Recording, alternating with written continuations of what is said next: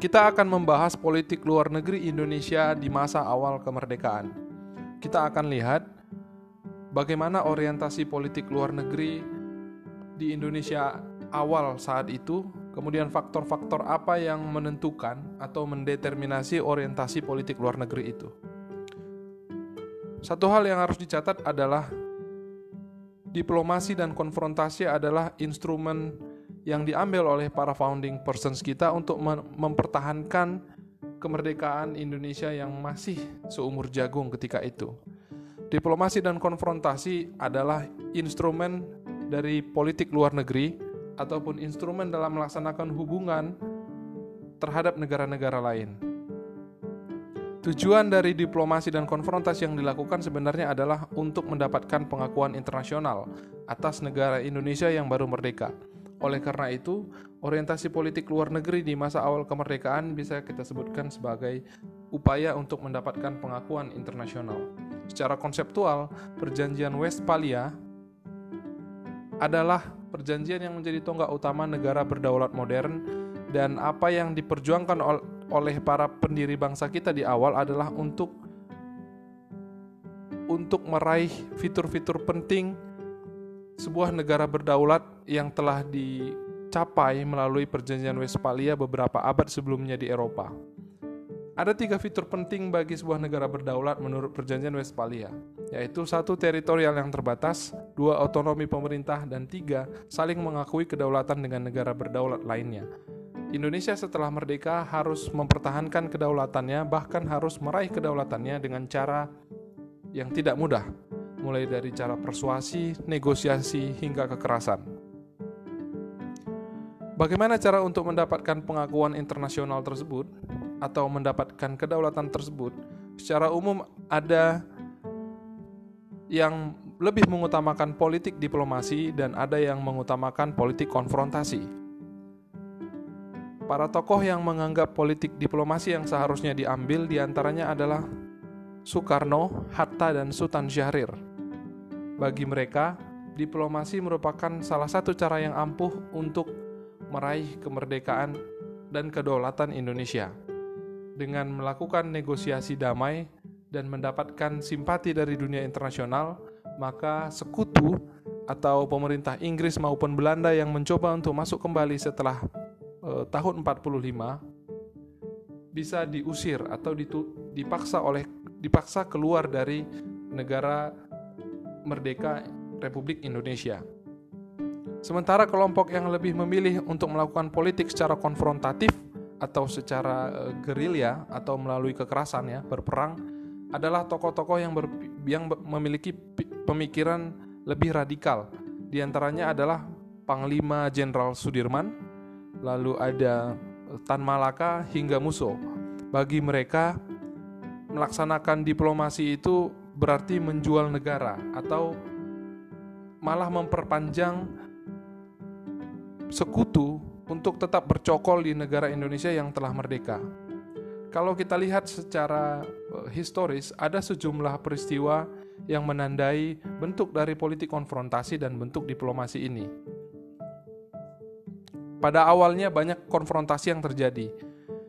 Kalau kita lacak pada pada tahun pada tanggal 8 September tahun 45, sekutu kembali masuk ke Indonesia setelah tahun uh, setelah Jepang kalah di Perang Dunia, kemudian kita mempro memproklamirkan kemerdekaan pada 17 Agustus.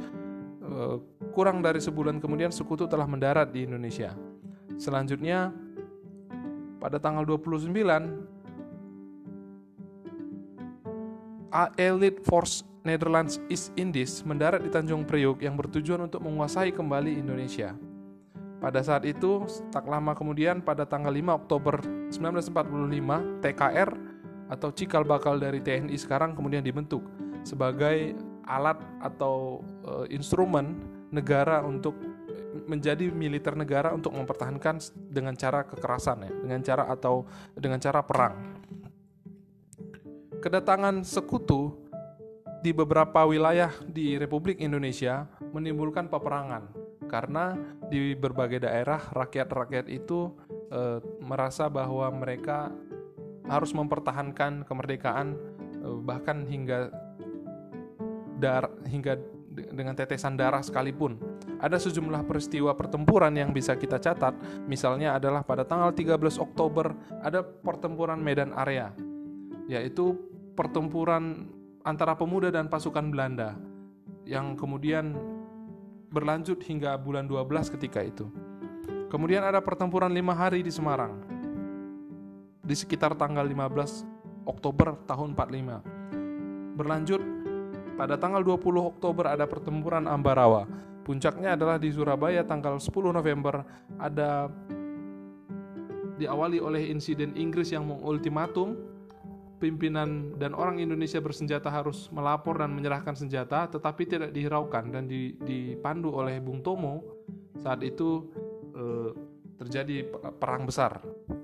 Dan yang tak kalah terkenal ada adalah peristiwa tanggal 24 Maret 46 di Bandung ketika Inggris juga meng mengultimatum Bandung harus dikosongkan oleh pasukan Indonesia, tetapi para para rakyat dan tokoh-tokoh menolak sehingga mereka lebih memilih untuk membakar eh, kota Bandung daripada harus jatuh ke tangan sekutu kembali sehingga yang kita kenal dengan sebutan Bandung Lautan Api.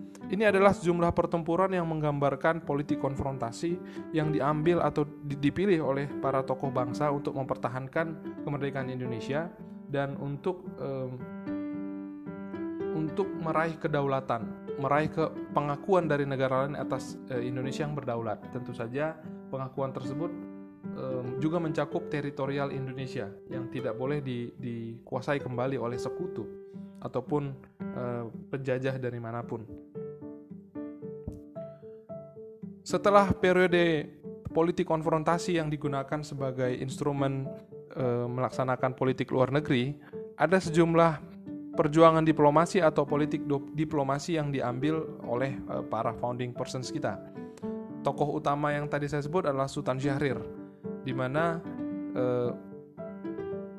Syahrir sebagai perdana menteri yang memiliki tiga kabinet di awal republik itu lebih memilih untuk melaksanakan politik diplomasi dan secara secara eh, pendapat juga didukung oleh Soekarno Hatta yang juga menginginkan cara atau jalur diplomasi untuk meraih kedaulatan. Cara ini yang ditentang oleh Sudirman Tan Malaka eh, yang menuntut kemudian Soekarno untuk memecat Syahrir sebagai perdana menteri karena menganggap bahwa upaya itu sebagai sebagai cara untuk menjual negara. Ya.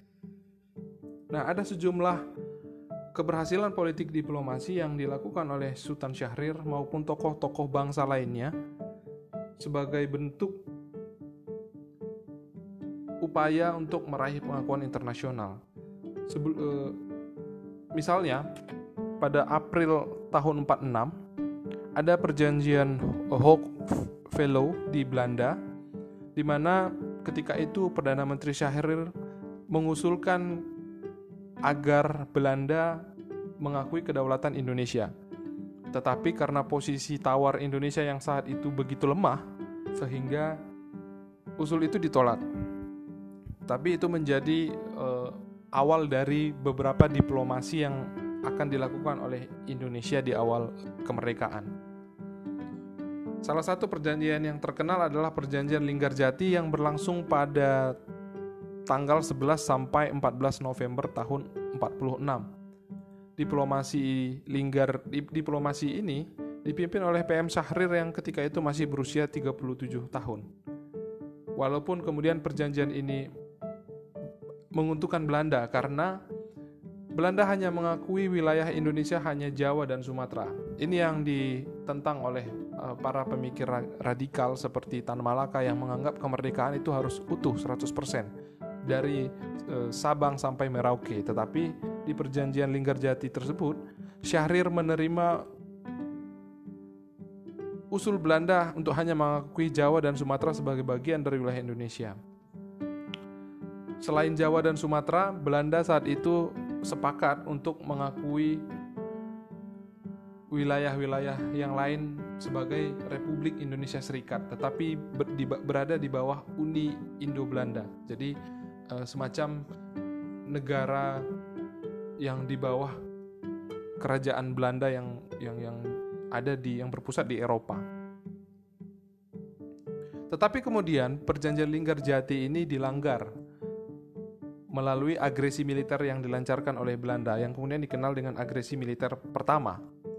Hal tersebut memicu perjanjian berikutnya yaitu perjanjian Renville. Ini adalah bentuk politik diplomasi berikutnya yang kali ini dilaksanakan di bawah Perdana Menteri Amir Syarifuddin.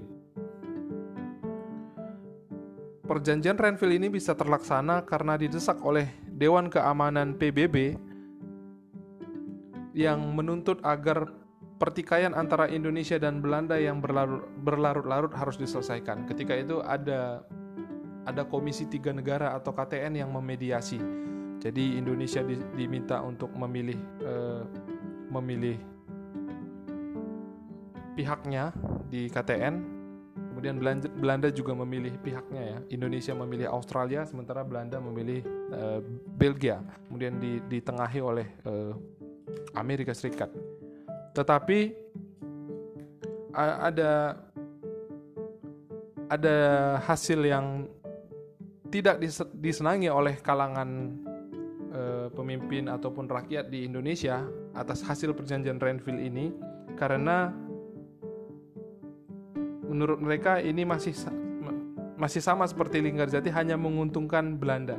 Tapi ketika itu posisi tawar Indonesia memang masih lemah sehingga eh, Indonesia tidak belum mendapatkan kedaulatan seperti yang di yang menjadi tujuan utama eh, politik luar negeri yang berlangsung. Akibat perjanjian ini, Perdana Menteri Amir Syarifuddin kemudian dituntut mundur eh, dan meletakkan jabatannya sebagai Perdana Menteri. Dua par partai ketika itu yaitu Masyumi dan Partai Nasional Indonesia bahkan menarik dukungannya kepada pemerintahan kepada pemerintahan Amir Syarifuddin. Tetapi kemudian sama seperti perjanjian Linggarjati, perjanjian Renville juga dilanggar oleh Belanda sehingga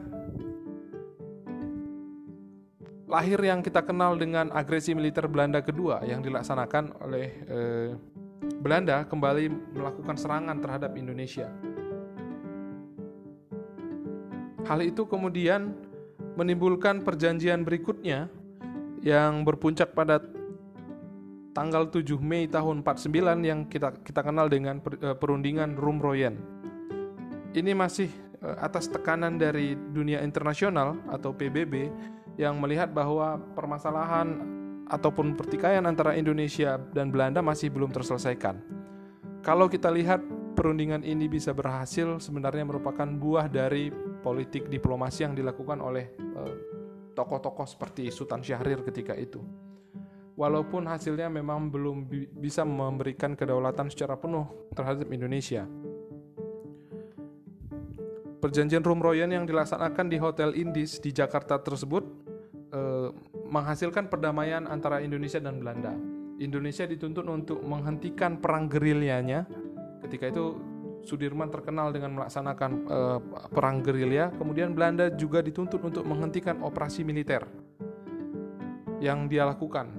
Dia melakukan agresi militer eh, pertama dan kedua yang merupakan upaya dari Belanda untuk menguasai kembali Indonesia dan hal tersebut sebenarnya melanggar perjanjian yang sudah disepakati sebelumnya yaitu di Linggarjati dan Renville.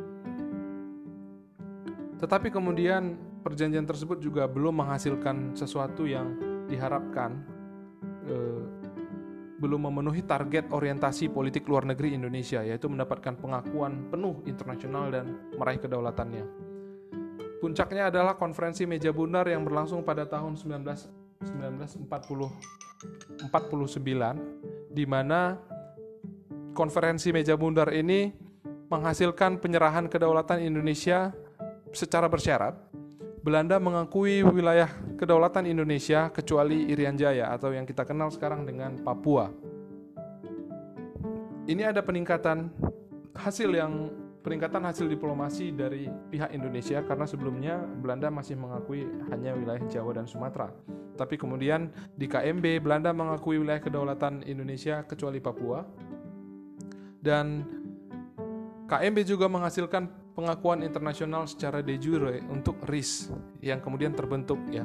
RIS itu menjadi uh, salah satu bentuk negara yang terjadi dalam sejarah Indonesia dengan bentuk federal saat itu, di mana RIS menjadi salah satu negara bagian yang berpusat di uh, kerajaan Belanda. Ketika itu kita ingat uh, ada presiden RIS yang bernama Mr. Asad. Walaupun kemudian konferensi meja bundar ini juga harus dibayar mahal karena Indonesia sebagai ganti atas Belanda mengakui kedaulatan Indonesia, Indonesia harus membayar e, banyak banyak kerugian perang yang yang berlangsung. Jadi Indonesia e, sebenarnya tetap dirugikan dalam konferensi meja bundar. Tetapi ini menjadi titik penting karena Indonesia akhirnya diakui berdaulat atas wilayahnya walaupun atas wilayah Papua baru mendapatkan eh, pengakuan pada tahun 67 setelah dilaksanakan PPRA atau penentuan pendapat rakyat.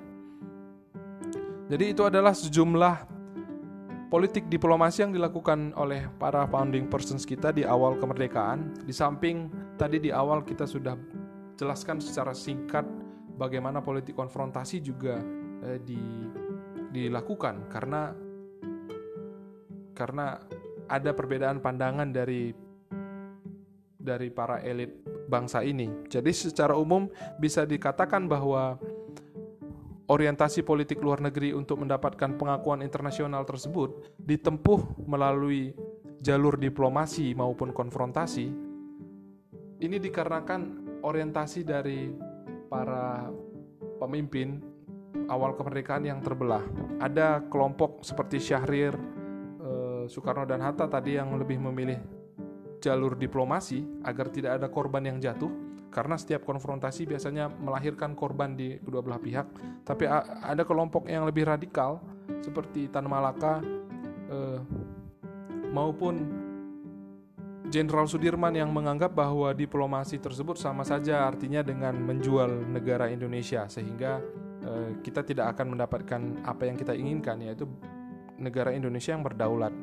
Jadi secara secara ringkas bisa kita sebut bahwa upaya-upaya diplomasi dan konfrontasi yang dilakukan di awal kemerdekaan untuk meraih kedaulatan tersebut adalah upaya yang eh, tidak mudah. Sebagaimana kita ketahui dalam teori-teori kedaulatan disebutkan bahwa kedaulatan itu tidak tidak jatuh dari langit tetapi merupakan sebuah hasil e, kerja keras dalam hal ini Indonesia mendapatkannya dengan cara bahkan dengan cara kekerasan. Tapi secara umum selama masa revolusi atau tahun 1949 sampai 1940 1945 sampai 1949, tokoh-tokoh Indonesia tersebut bergerilya untuk menggalang dukungan dari dunia internasional. Bahkan dari Semarang ada Uskup Agung Sugiya Pranata meminta Vatikan untuk mengakui kemerdekaan Indonesia. Kita juga mengetahui bagaimana Mesir menjadi negara pertama yang mengakui Indonesia yang merdeka. Merdeka dalam artian uh, berdaulat tadi, berdaulat sesuai dengan konsepsi yang uh, hadir ataupun konsepsi yang sudah muncul sejak perjanjian Westphalia. Kalau kita kutip tulisan dari Ben Anderson dalam bukunya Java in a Time in Revolutions yang terbit tahun 72 mengatakan bahwa tujuan perjuangan diplomasi di awal kemerdekaan tersebut ada empat. Yang pertama adalah untuk mendapatkan pengakuan internasional seluas-luasnya dan dalam waktu sesingkat-singkatnya. Yang kedua adalah untuk menangkis tuduhan bahwa kemerdekaan Indonesia adalah hadiah atau ciptaan dari Jepang. Jadi ingin menunjukkan bahwa kemerdekaan Indonesia adalah berkat kerja keras atau berkat uh, perjuangan kesadaran dari para para elit maupun bangsa Indonesia bahwa kemerdekaan itu adalah hak segala bangsa. Berikutnya yang ketiga adalah untuk menjelaskan tentang negara dan bangsa Indonesia serta perjuangan nasionalnya. Jadi di sini bisa dikatakan bahwa diplomasi itu dilakukan untuk menunjukkan eksistensi Indonesia sebagai sebuah negara yang uh, berdaulat dan merdeka. Dan yang terakhir adalah untuk memperoleh pengakuan dari tentara sekutu atas kemerdekaan dan kedaulatan Indonesia, serta menunjukkan bahwa rakyat Indonesia bersedia berkorban untuk mempertahankan kemerdekaannya.